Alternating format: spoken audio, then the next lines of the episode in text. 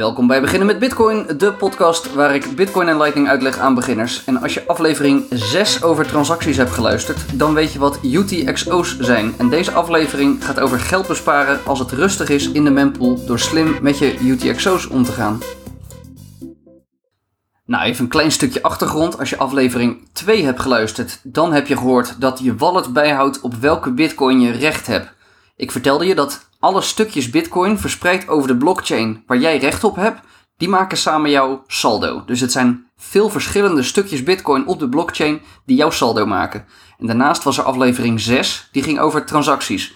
En daar heb ik uitgelegd dat uh, die stukjes uh, bitcoin die op de blockchain staan en die je mag uitgeven dus, dat zijn jouw bitcoin en die heten dan UTXO's. Nou, eh, de U voor unspent, TX voor transaction en de over output, dus UTXO, staat voor unspent transaction output. Nog niet uitgegeven bitcoin die uitgegeven kunnen worden. Nou, als je een transactie ging maken, dan had je nodig inputs, outputs en handtekeningen.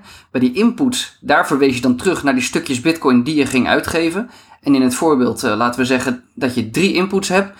Transactie 100 uit uh, blok 300.000, transactie 5 uit blok 350.000 en transactie uh, 500 uit blok 600.000 bijvoorbeeld. Nou, dat zijn drie verschillende UTXO's die als input gebruikt gaan worden. Nou, daarnaast had je voor je transactie had je output nodig, dus waar die bitcoin naartoe gingen. Dat is voor deze aflevering niet zo relevant.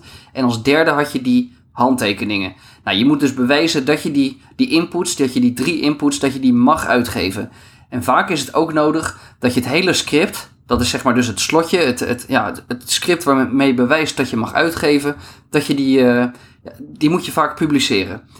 Nou, en al deze drie bij elkaar, dus die input, de output en de handtekeningen, die maken dan de transactie. En hoe meer inputs, outputs en signatures, hoe groter die transactie. En dan gaat het dus niet om het aantal bitcoin in die transactie. Het gaat echt puur om de data die je nodig hebt om die inputs aan te wijzen. En die signatures, dat is, echt, dat is gewoon, ja, dat zijn bitjes en bytes die, die deze transactie maken.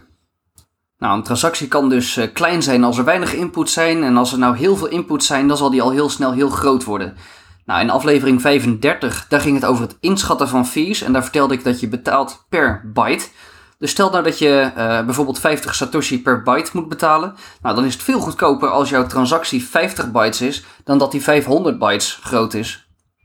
Nou, en zeker als je heel veel inputs hebt, dan moet je dus ook heel veel handtekeningen zetten om te bewijzen dat je die bitcoin mag uitgeven.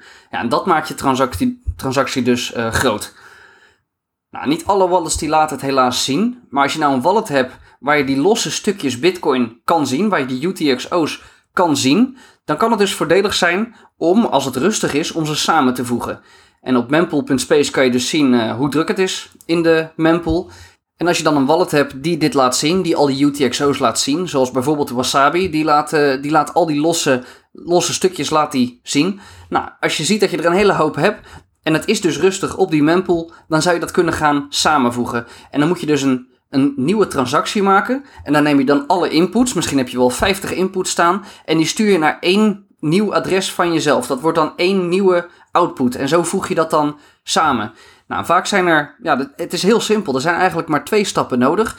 Je moet een nieuw adres maken waar je het op gaat ontvangen. En daarna moet je dus je volledige balans naar dat adres sturen. Ja, en zo maak je dus een hele hoop inputs. Daar kan je dan weer één input van maken. Dus dat is echt dat consolideren, dat samenvoegen van, uh, van UTXO's. Nou, en omdat je misschien 50 inputs hebt, dan uh, ja, dat is een hele hoop data. Maar als het dus rustig is op de mempool, dan is het dus goedkoper om, uh, om die handtekeningen op de mempool te zetten, om daar daadwerkelijk mee dus uh, te betalen. Nou, wat dit wel betekent, um, ja, alle inputs die worden nu aan elkaar gelinkt. Want alle, al die losse stukjes, die worden nu samengevoegd naar één. En ja, de blockchain is openbaar, dus, uh, ja, dus wordt dat samengevoegd. En zorg ook dat je een nieuw type adres hebt. Zodra je dat, uh, die twee stappen gaat doen, adres maken en sturen, zorg dat het adres waar je naartoe gaat sturen, zorg dat dan, uh, dat, dat het nieuwste type adres is. Zo'n BC1 adres.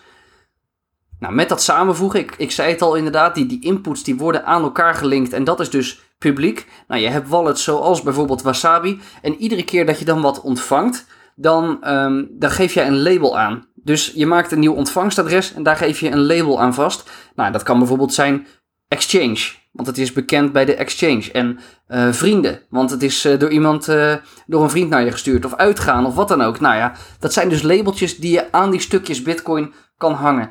Nou, en in die wallet Wasabi bijvoorbeeld, en er zijn er meer die dit doen, daar kan je dan kiezen welke je nou wil samenvoegen. Want misschien wil je helemaal niet dat de geïdentificeerde bitcoin die je hebt ontvangen via een exchange-adres, misschien wil je helemaal niet dat die worden samengevoegd met jouw uitgaansinkomsten uh, van mensen die jou terug hebben betaald uh, van, uh, van bier, zeg maar.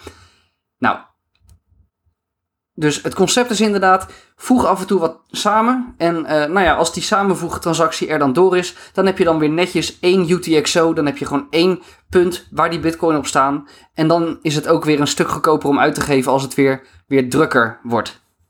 Nou, en exchanges die doen dit heel regelmatig. Ja, er zijn dan voor exchanges, er zijn heel veel mensen die on-chain geld overmaken naar ze. En die, ja, die exchanges die hebben dan heel veel UTXO's. Die hebben heel veel van die ja, van die kleine stukjes bitcoin die ze uit kunnen geven. Nou, en je ziet soms dat er grote transacties komen, uh, grote samenvoegtransacties, uh, waar ik het dus over had. En dat, die zie je komen als er goedkope tijden zijn. Zo was er in, in mei 2021 was het heel rustig op de mempool. Hij was zelfs bijna leeg. En toen kwamen er opeens 30 megabyte, dat is vrij veel, 30 megabyte aan samenvoegtransacties werden er in één keer in de mempool gezet. Nou, dat zal dus geweest zijn van iemand, waarschijnlijk een exchange, die dan, ja, die wilde dat dan goedkoop uh, samenvoegen. Ja, dus bedenk zelf of je dit wil doen. Bedenk of je die dingen aan elkaar wil koppelen. Maar het kan je geld schelen bij een, uh, bij een volgende uitgave. Dat was het weer voor nu. En tot de volgende keer. Kom met je vragen op de Telegram. Ja, zo, uh, zoals altijd. Je vindt hem via beginnenmetbitcoin.com. Stuur eens een boost als je luistert met Breeze Wallet. En uh, tot de volgende keer.